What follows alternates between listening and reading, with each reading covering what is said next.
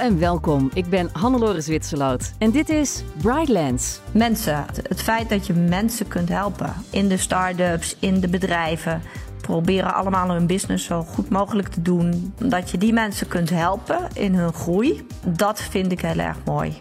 Je krijgt pas een product op de markt als er natuurlijk ook een commerciële business case is. En dat het gemaakt kan worden, dat het gedistribueerd kan worden, dat het betaald kan worden door iemand. Dus impact creëer je doordat er ook een economische business case is. Stap voor stap de risico's eh, uit het product en het project te halen en op een bepaald moment wel zo ver te zijn dat ze kunnen aantonen aan investeerders van kijk, hier zit echt iets in, dit is echt een eh, technologie die werkt en veilig is. Er zijn natuurlijk mensen die te vroeg doodgaan naar onze maatstaven. En dan wil je stap voor stap door kennis te creëren mensen de kans kunt geven met relatief simpele interventies die op termijn ook betaalbaar zijn om mensen het geluk te geven dat ze wel 80 worden en niet voor hun dertigste overlijden. Dat zijn de stemmen van mijn gasten vandaag. In tegenstelling tot eerdere afleveringen gaan we langs verschillende Brightlands campussen vandaag. Want dankzij het samenwerken van de verschillende locaties lukt het om baanbrekende producten te maken. Dit is Brightlands, aflevering 8, Biomedische Innovaties, de betermakers van Brightlands. Hallo, ik ben uh, Ivo Graus. Ik ben uh, operationeel directeur van Brightlands Maastricht Health Campus. Ik ben uh, 59 jaar.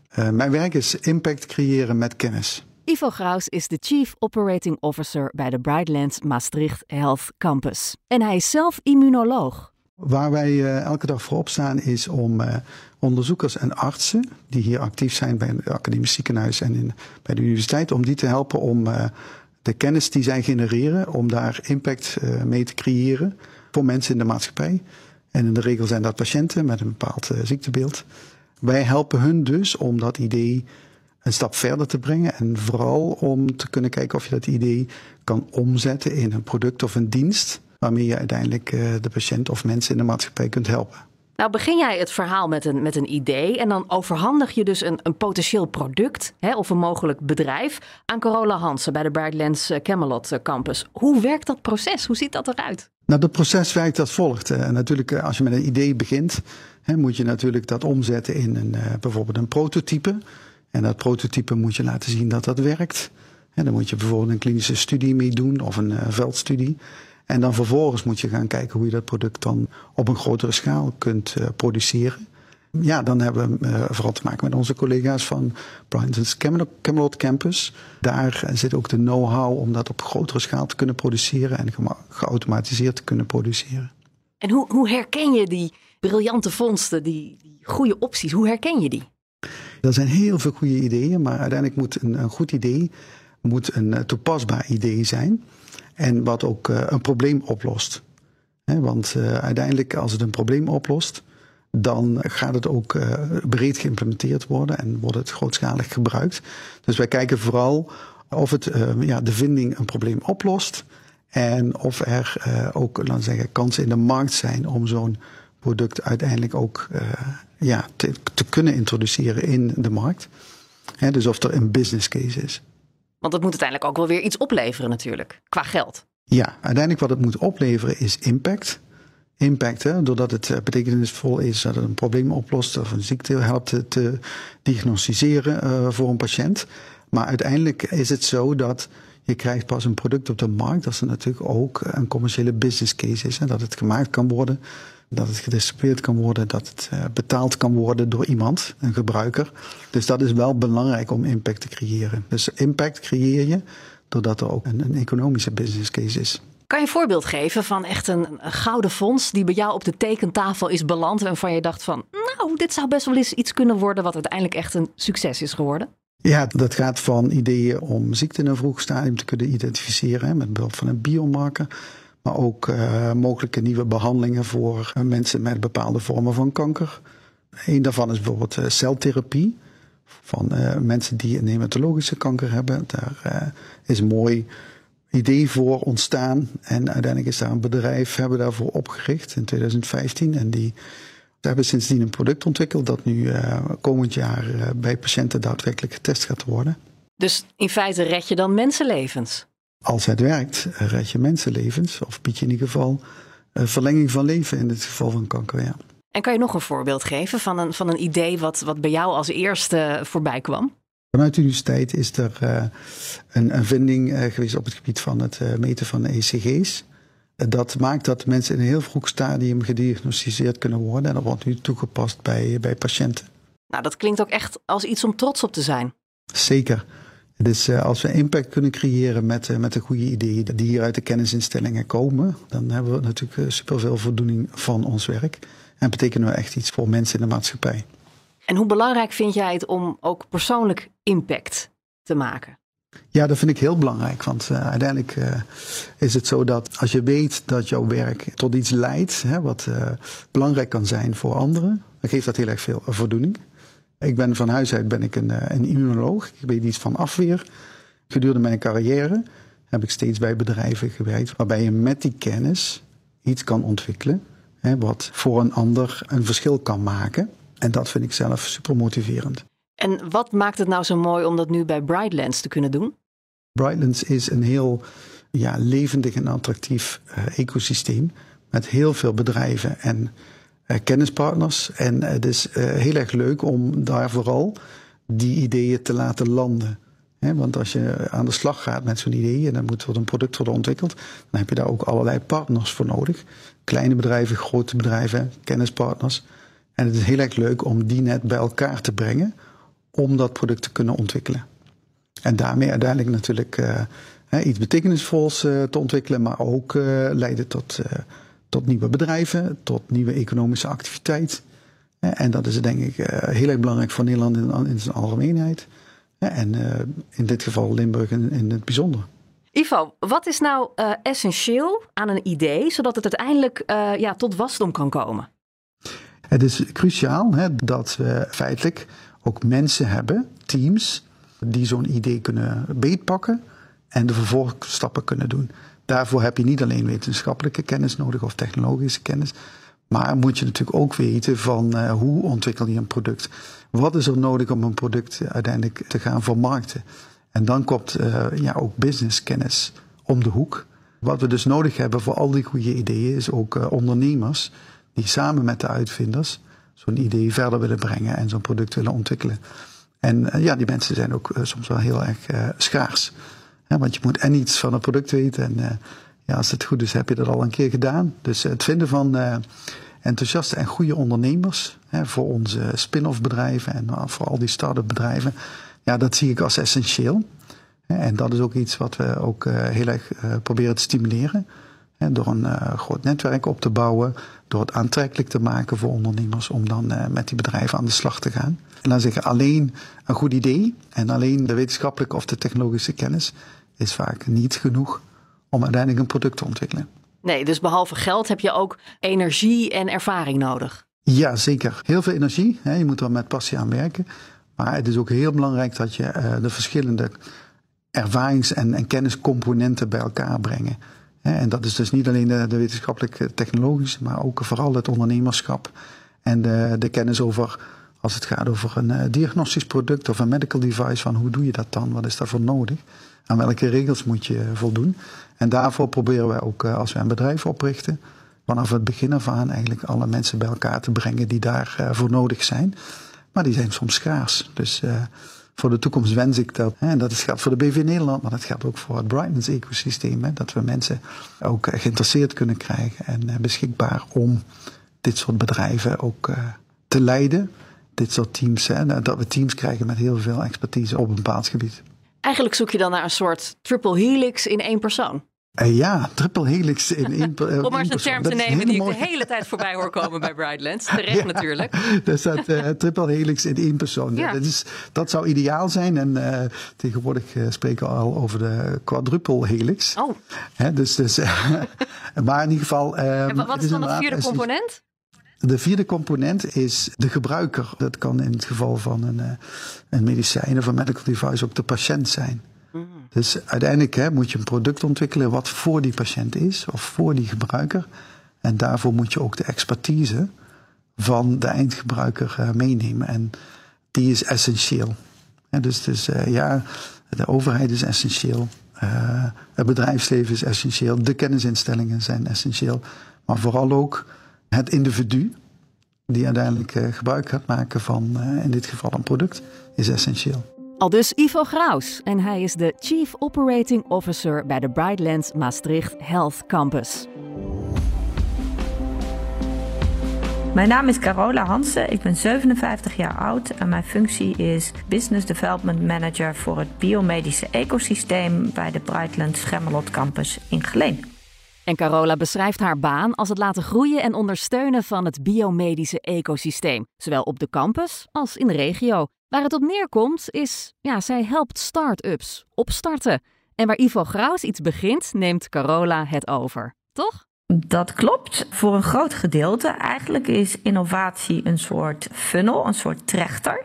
Je begint met een heleboel ideeën. En uiteindelijk komen daar slechts een beperkt aantal bedrijven uit. Ivo creëert een aantal startende ondernemingen, start-ups. Die kunnen dan eventueel bij ons verder groeien. Maar het kan ook zo zijn dat er uh, startende bedrijven bijvoorbeeld ergens anders gecreëerd worden en zich dan vestigen bij ons om hier verder te groeien. Dus het is een, een levendig geheel, zo'n ontwikkelfunnel. En kan je een voorbeeld geven van zo'n biomedisch bedrijf dat onder jouw hoede valt? Nou, wat ik zelf een heel mooi voorbeeld vind, ook van hoe het allemaal werkt met Ivo, is het huidige Lonza.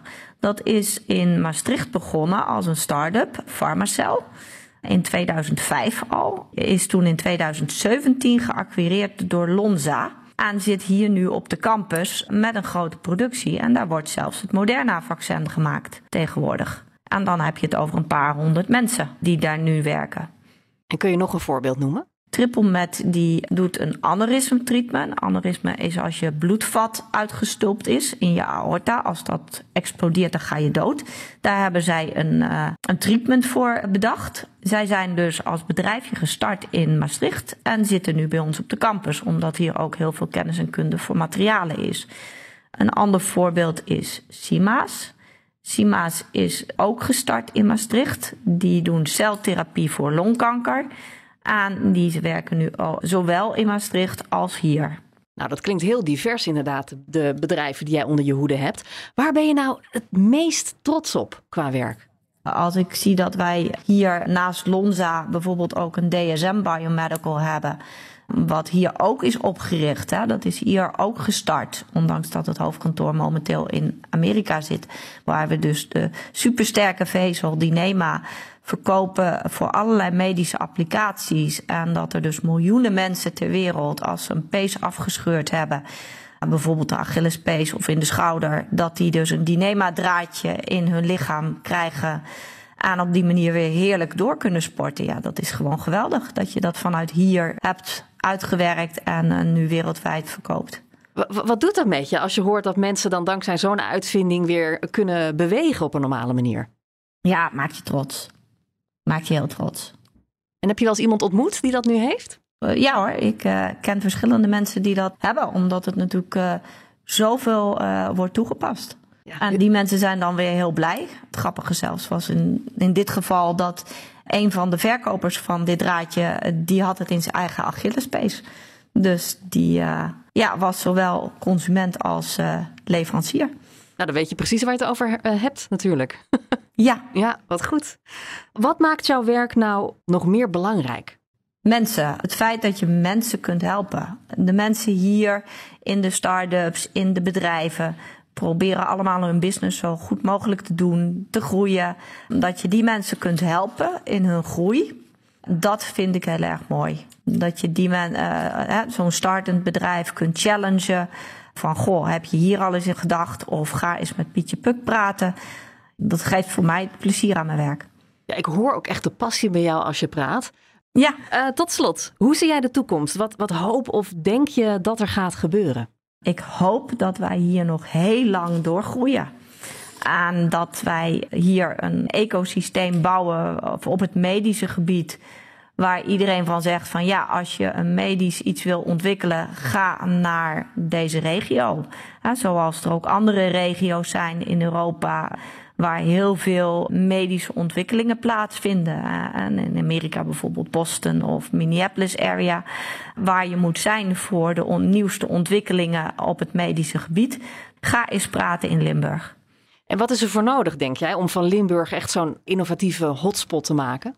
Uitstraling. We moeten het veel bekender maken wat we hier doen. Daarom ben ik ook zo blij met dit programma. Dat de mensen ook weten wat er hier gebeurt. Want de perceptie is nog heel vaak dat het hier alleen maar DSM is. Maar er gebeurt hier zoveel. Eh, het Moderna-vaccin wat hier geproduceerd wordt. Hoeveel mensen weten dat? Nou, ik wist het niet, nee. Exact.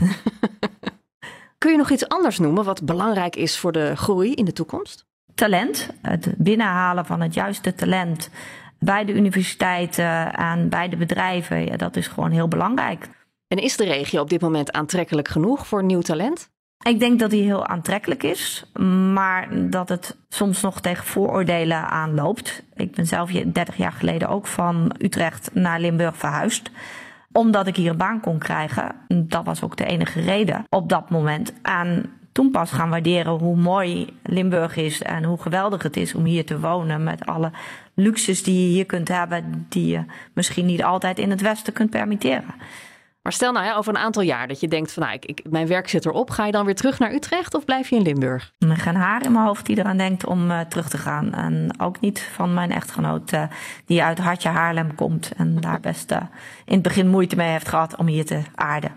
En kan je nog één keer uitleggen wat Limburg dan zo aantrekkelijk maakt als, als een woonplaats ook? De ruimte, de rust, een aantal problematieken die toch nog niet de overhand hebben als in de Randstad, op middelbare scholen of met de veiligheid te maken hebben. Ja, het creëert hier altijd uh, toch een heel veilig gevoel.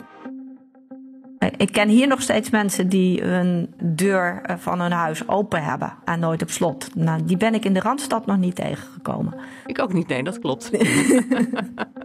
Carola Hansen is de Business Development Manager Biomedical Solutions bij de Brightlands Gemmelot Campus in Geleen. Mijn naam is Kurt Gille, ik ben 46 jaar en ik ben Chief Business Officer bij Medace. Medace is een soort coworking ruimte, net als WeWork en dergelijke. Maar in plaats van het huren van een bureau hebben ze steriele cleanrooms en laboratoria. Dat zijn de plekken waar wetenschappers rondlopen in een soort van astronautpakken tussen gespecialiseerde apparatuur. Medace is dé perfecte plek voor een biomedische start-up met weinig middelen om te onderzoeken, te groeien en leren, terwijl ze op zoek gaan naar een Eureka-moment. Wij hebben op dit eigenste moment een stamceltherapiebedrijf. Die hebben een product ontwikkeld of een technologie ontwikkeld waarmee vrouwen die vruchtbaarheidsproblemen hebben geholpen kunnen worden door hun stamcellen die afgenomen worden te behandelen, terug te plaatsen en daardoor het kwaliteit en het aantal van uh, eicellen drastisch te kunnen verhogen. Nou, dat lijkt me een ontzettende belangrijke innovatie. Kun je beschrijven hoe dat proces uh, eruit heeft gezien vanaf het moment dat het patent werd aangevraagd en uh, welke rol heeft Medus daarin gespeeld? Nou, het is een technologie die al bestond in het Midden-Oosten. Die mensen hebben daar al een aantal patiënten succesvol behandeld. Dus de eerste baby's zijn uh, ondertussen geboren. En wij hebben hun leren kennen op het moment dat zij in Nederland het product naar de Europese markt wilden brengen. Patenten waren toen nog niet aangevraagd, zaten ook nog in een heel vroege fase qua bedrijfsvoering. Dus ik heb ze eigenlijk eerder gekoppeld aan de mensen op de Brightlands Schemmelt campus, want die deden een start-up programma om meer de zakelijke benodigdheden op te zetten, zoals het schrijven van een businessplan, de financiering, maar ook, uh, zoals je net uh, zei, het beschermen van de patenten en de technologie. Daar hebben ze enorm veel uit geleerd. Wij hebben hun dan ook gekoppeld aan een aantal regionale investeerders om uiteraard geld op te halen, want dit zijn langdurige en ook dure trajecten. En op het moment dat dat rond was, zijn wij met hun begonnen om enerzijds het kwaliteitssysteem op te zetten. Heel simpel gezegd betekent dat alles wat je doet in het productieproces van de grondstoffen die je gebruikt tot de manier waarop je met uh, deze productie omgaat, beschrijven in documenten en procedures, zodat je altijd volgens een gestandaardiseerde manier werkt, zodat er ook altijd bewijs is dat elke patiënt behandeld wordt op dezelfde manier die voldoet aan de kwaliteitseisen die gesteld worden. En daarna hebben we gekeken met hun van oké, wat betekent dat nu voor het produceren in zo'n cleanroom zoals ik net zei. En nu zijn we met hun bezig om die productieprocessen die helemaal ontwikkeld zijn te testen in een cleanroom, zodat je aan de overheidsinstanties die jou goedkeuring gaan geven om zo'n proces of een product naar de patiënt te brengen, kan aantonen dat je volgens die gestandaardiseerde manier van werken ook effectief de zaken doet. Dat zijn we op dit eigenste moment bezig. Dan zal er een soort van licentie uitgegeven worden, een toestemming om te gaan produceren. En volgend jaar zal dan de eerste klinische studie met effectieve patiënten opgestart kunnen worden. Dus over een jaar kunnen we de eerste baby's verwachten vanwege deze innovatie? Nou, er moet eerst nog een ethische commissie een goedkeuring geven. Dat duurt nog wel een paar maanden. Dus ik verwacht die ergens in 2024. Maar dat moet toch een ontzettend waanzinnig trots gevoel opleveren. Het feit dat vrouwen moeder kunnen worden dankzij deze ja, innovatie. Ja, en uh, dat is het, uh, het unieke en, en wat mij betreft het mooiste aan, uh, aan deze job en dit bedrijf. Bedoel, dit is één enkel voorbeeld, maar alle andere klanten waar wij mee werken zijn ook met gelijkaardige trajecten bezig. En die impact die onze klanten kunnen hebben en, en het stukje ondersteuning en hulp die wij daarbij kunnen bieden, ja, dat geeft inderdaad zulke voldoening. Ik kan me niet voorstellen dat dat in een andere sector uh, ja, nog maar in de buurt komt van wat wij doen. Dus uh, klopt helemaal daarom ook uh, dat ik elke dag met heel veel plezier naar het werk kom. Kan ik me voorstellen. En het is natuurlijk een goed verhaal voor op feesten en partijen.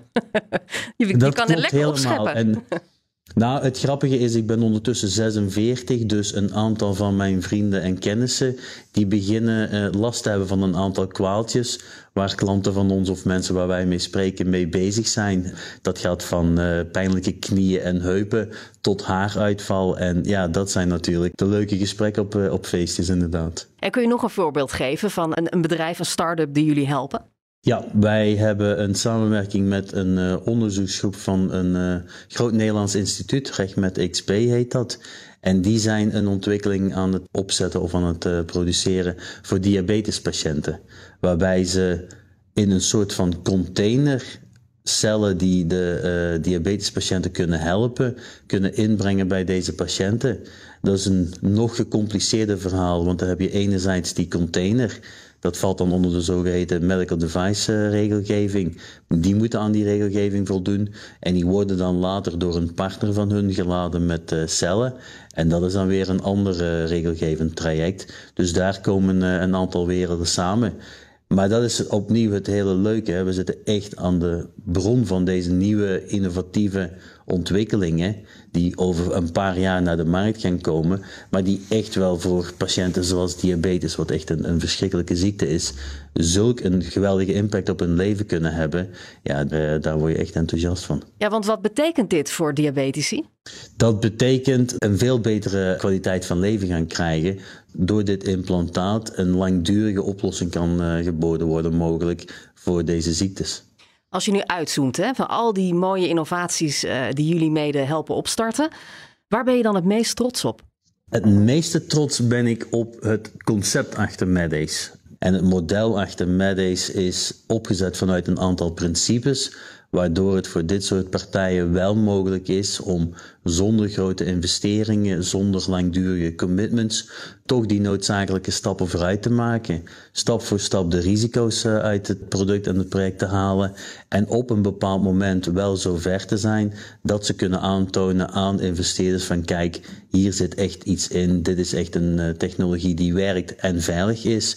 En op dat moment dan ook de grote financiering kunnen ophalen om uiteindelijk uh, het product tot, uh, tot aan de markt, tot bij de patiënt te kunnen brengen.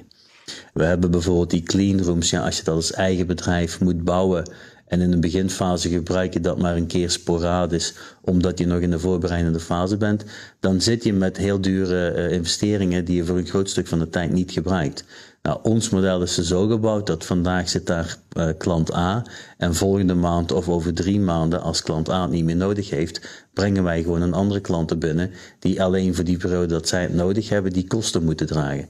Het lijkt mij een beetje op timesharing van een vakantiehuis. Alleen nu gaat het om laboratoria en cleanrooms. Ja, timesharing, de Ubers, de Airbnb's van deze wereld, dat zijn inderdaad gelijkaardige modellen uit een heel andere tak van sport of een andere industrie. Ja, nog even verder uitzoomen. Wat is het belang van Brightlands voor Medace? Nou, Brightlands is op meerdere manieren uh, belangrijk voor ons. Daar zijn wij voortgekomen uit een uh, onderzoeksinstituut dat heet Gemmelot Institute for Science and Technology. Mede door uh, Brightlands opgericht samen met de universiteit, de provincie, het ziekenhuis, Universiteit van Eindhoven en DSM als groot corporate bedrijf. Daar is het concept een eerste keer uitgetest. En toen wij beseften van kijk, we kunnen dit ook voor andere partijen doen dan alleen die project binnen het uh, onderzoeksinstituut, zijn wij met een businessplan uh, begonnen, Danielle, onze CEO en ik. En nu zijn onder andere de campus in Maastricht en in Geleen aandeelhouder bij Medace. En als je dat dan breder kijkt, hè, ook het LIOF, uh, wat een rol speelt in dit ecosysteem, de universiteit, het ziekenhuis en ook de provincie, hebben dit mede mogelijk gemaakt vanuit een financieringsrol. Het bijkomende voordeel is, is dat al die partijen zien dat vanuit een strategisch oogpunt dit hun ook weer verder helpt. Want een aantal innovaties komen vanuit de universiteit. Het voorbeeld wat ik net gaf uh, met dat uh, stamcelbedrijf, die werkt dan weer samen met de IVF-kliniek in het ziekenhuis. Dus er lopen heel veel draadjes op zoveel verschillende mooie manieren door de ja, partners van het Brightlands ecosysteem heen, zeg ik dan maar even. Jullie zijn de spin in het Brightlands web. Nou, het grappige is, uh, wij vullen een leemte of een, een, een, gat in in het hele ecosysteem. Waar de universiteit met heel vroege fase en ideeën komt, waar de Gemmelot Campus meer is op uh, voor gevestigde partijen die echt kunnen doorgroeien en doorontwikkelen, hebben wij inderdaad die stap daartussenin, dat opzetten van die productie en de opschaling daarvan, hebben wij inderdaad mooi ingevuld. Ja, en ik hoop dat je zo snel mogelijk eh, beschuit met muisjes kan eten dankzij de eerste Medes baby's. dat is duidelijk. Nee. Medace denkt een opschaalbare formule te hebben ontdekt en is van plan om nieuwe vestigingen te openen. Kurt Gille is Chief Business Officer van Medace.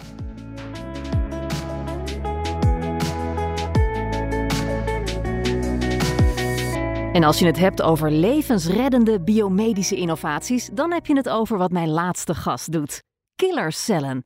Mijn naam is Gerard Bos. Ik ben uh, 62 jaar, geboren in Wageningen en al weer heel lang woonachtig in het Limburgse. Uh, waar ik inmiddels CEO ben van het bedrijf uh. Een bedrijf wat zich richt op het gebruik maken van cellen van ons afweersysteem om patiënten met kanker hopelijk te kunnen gaan genezen. En Gerard Bos is niet alleen CEO van zijn bedrijf CIMA's, maar ook profileringshoogleraar interne geneeskunde aan de Universiteit van Maastricht. Ik heb Gerard gevraagd waar CIMA's voor staat. Dat staat dus voor celtherapie, waarbij we cellen van gezonde uh, personen of van patiënten zelf zodanig ontwikkelen dat die gebruikt kunnen worden als, uh, als activiteit tegen uh, kanker. We weten dat het immuunsysteem actief kan zijn tegen kanker, dat helaas soms ook niet is. En er zijn allerlei redenen wetenschappelijk, en daar hebben we twintig jaar aan gewerkt, om te denken dat je dat probleem kunt oplossen door van gezonde personen bijvoorbeeld cellen te pakken, bloedcellen te pakken, killercellen uit te halen, die in grote getalen op te groeien en die actief te zijn tegen de kanker van patiënten. En dat zijn dus twee verschillende dingen, de, de killercellen en de behandeling. Ja, de killercellen worden onderdeel van de totale behandeling. Wij beginnen bijvoorbeeld bij de ziekte van leukemie en de verwachting is dat we volgend jaar na 20 jaar onderzoek en 7 jaar het bedrijf op poten zetten, dat we volgend jaar de eerste klinische studies kunnen doen. Dat gaan we bij acute leukemie doen. En mensen met acute leukemie is de bestaande behandeling onvoldoende goed. Komt de ziekte weer terug of de behandeling helpt helemaal niet. En wij verwachten dat die killercellen een bijdrage kunnen leveren aan de totale behandeling, waardoor de genezingskans groter wordt. En waarom richten jullie je vooral op leukemie? Ik ben van origine getraind als internist-hematoloog, dus specialist uh, bloedziekte. Dus daarom gaat onder andere de aandacht uit naar die leukemie. Maar in het verlengde daarvan zijn we ook heel actief, onder andere met subsidie van Health Holland via het KWF naar borstkanker, waar we ook al heel lang geleden aanwijzingen vonden dat die killercellen actief tegen borstkanker kunnen zijn. Dus het is niet alleen leukemie, maar het begint met leukemie. En de reden dat we daarmee beginnen is dat collega's in Amerika, waarmee we intensief samenwerken en hebben gewerkt, eigenlijk al hebben laten zien dat die killercellen het kunnen doen tegen leukemie. Dat mensen minder kans hebben na een behandeling met killercellen dat de ziekte terugkomt. Dus daar zijn voldoende aanwijzingen voor dat het kan werken. Dat zijn universitaire studies en dat moet je dan nog vertalen naar echt een product, een geneesmiddel voor de markt. En, en die stap hebben wij dus gezet of zijn wij aan het zetten.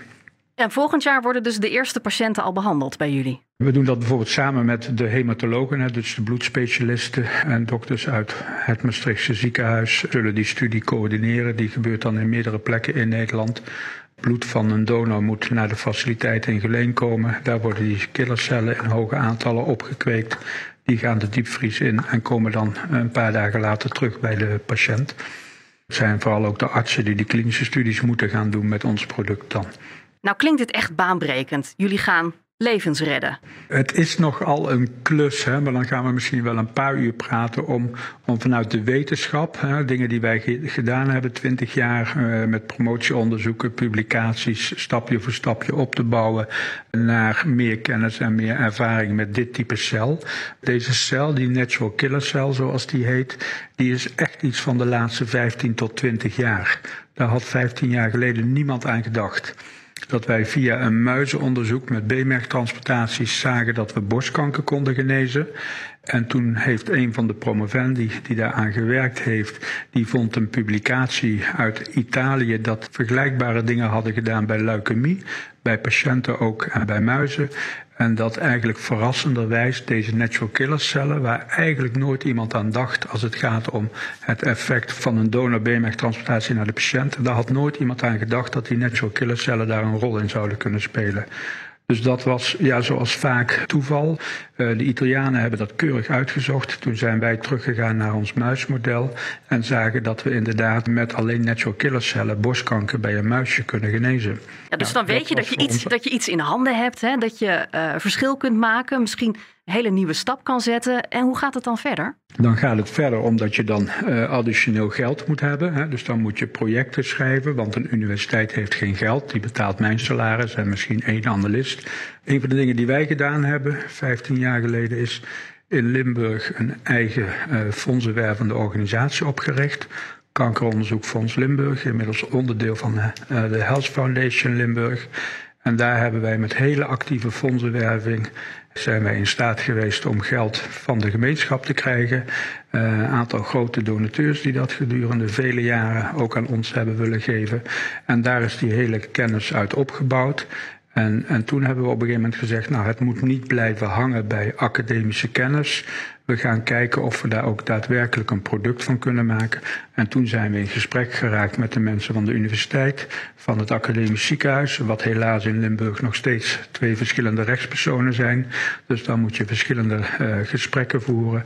En uiteindelijk hebben we besloten om een, een bedrijf op te richten. En daar heeft Brightlands uh, buitengewoon goed in gefaciliteerd. Brightlands had inmiddels met de universiteit, want die zijn dan weer aandeelhouder van Brightlands aan systemen gewerkt hoe je dit soort kennis, valorisatie, validatie vorm kunt gaan geven via ook start-ups.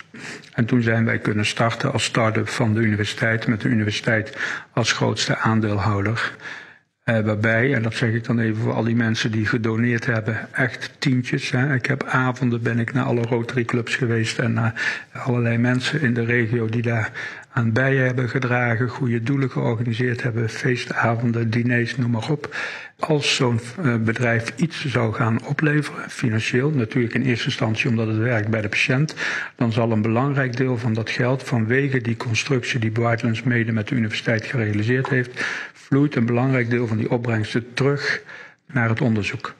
Als je nu kijkt hè, waar jullie nu staan op het gebied van de killercellen. Jullie zijn ontzettend ver. Volgend jaar uh, zijn de eerste patiënten aan de beurt qua behandeling. Was het gelukt zonder Brightlands? Nee, het was niet gelukt zonder Brightlands. Als je Brightlands ziet als een door de universiteit en het ziekenhuis samen opgerichte structuur om die validatie van onderzoek te gaan faciliteren. Maar dat de universiteit dat hier met de provincie en, en, een aantal andere stakeholders opgepakt heeft en georganiseerd heeft, dat is denk ik wel buitengewoon goed. Iedereen zit vanuit de academische achtergrond, als we het daar even over hebben, zit erin om goed te doen. En ja, je wil proberen dat je kanker kunt genezen en dat mensen daardoor minder snel doodgaan. Dat is altijd het motief. Ik heb natuurlijk als hematoloog voldoende jonge mensen gezien die ja, naar de, onze maatstaf voor hun dertigste doodgaan. Ja, dat motiveert om te zeggen, kan dat ook anders? Dus dat is inderdaad je interne drive. Is dat ook jouw, jouw interne drive? Ja, zeker. Ja. ja, je doet het niet voor de mevrouw van 95, met alle respect. Dan, dan hoort doodgaan bij het einde van het leven. Maar er zijn natuurlijk mensen die te vroeg doodgaan naar onze maatstaven. En die gun je een langer leven. En dan wil je stap voor stap door kennis te creëren, wil je kijken of je dat beter onder controle krijgt. En of je mensen de kans kunt geven met relatief simpele interventies die op termijn ook betaalbaar zijn. Om mensen het geluk te geven dat ze wel 80 worden en niet voor hun dertigste overlijden. Dat is wel een motief. Al dus een gemotiveerde CIMA-CEO, hoogleraar Gerard Bos en zijn killercellen. En dat was het voor deze aflevering. Deze podcast is van de vier Brightlands innovatiecampussen in Limburg. Jonathan Gruber deed de productie en de techniek was in handen van Wesley Schouwenaars. Meer weten? Kijk op brightlands.com. Ik ben Hannelore Zwitserloot. Bedankt voor het luisteren.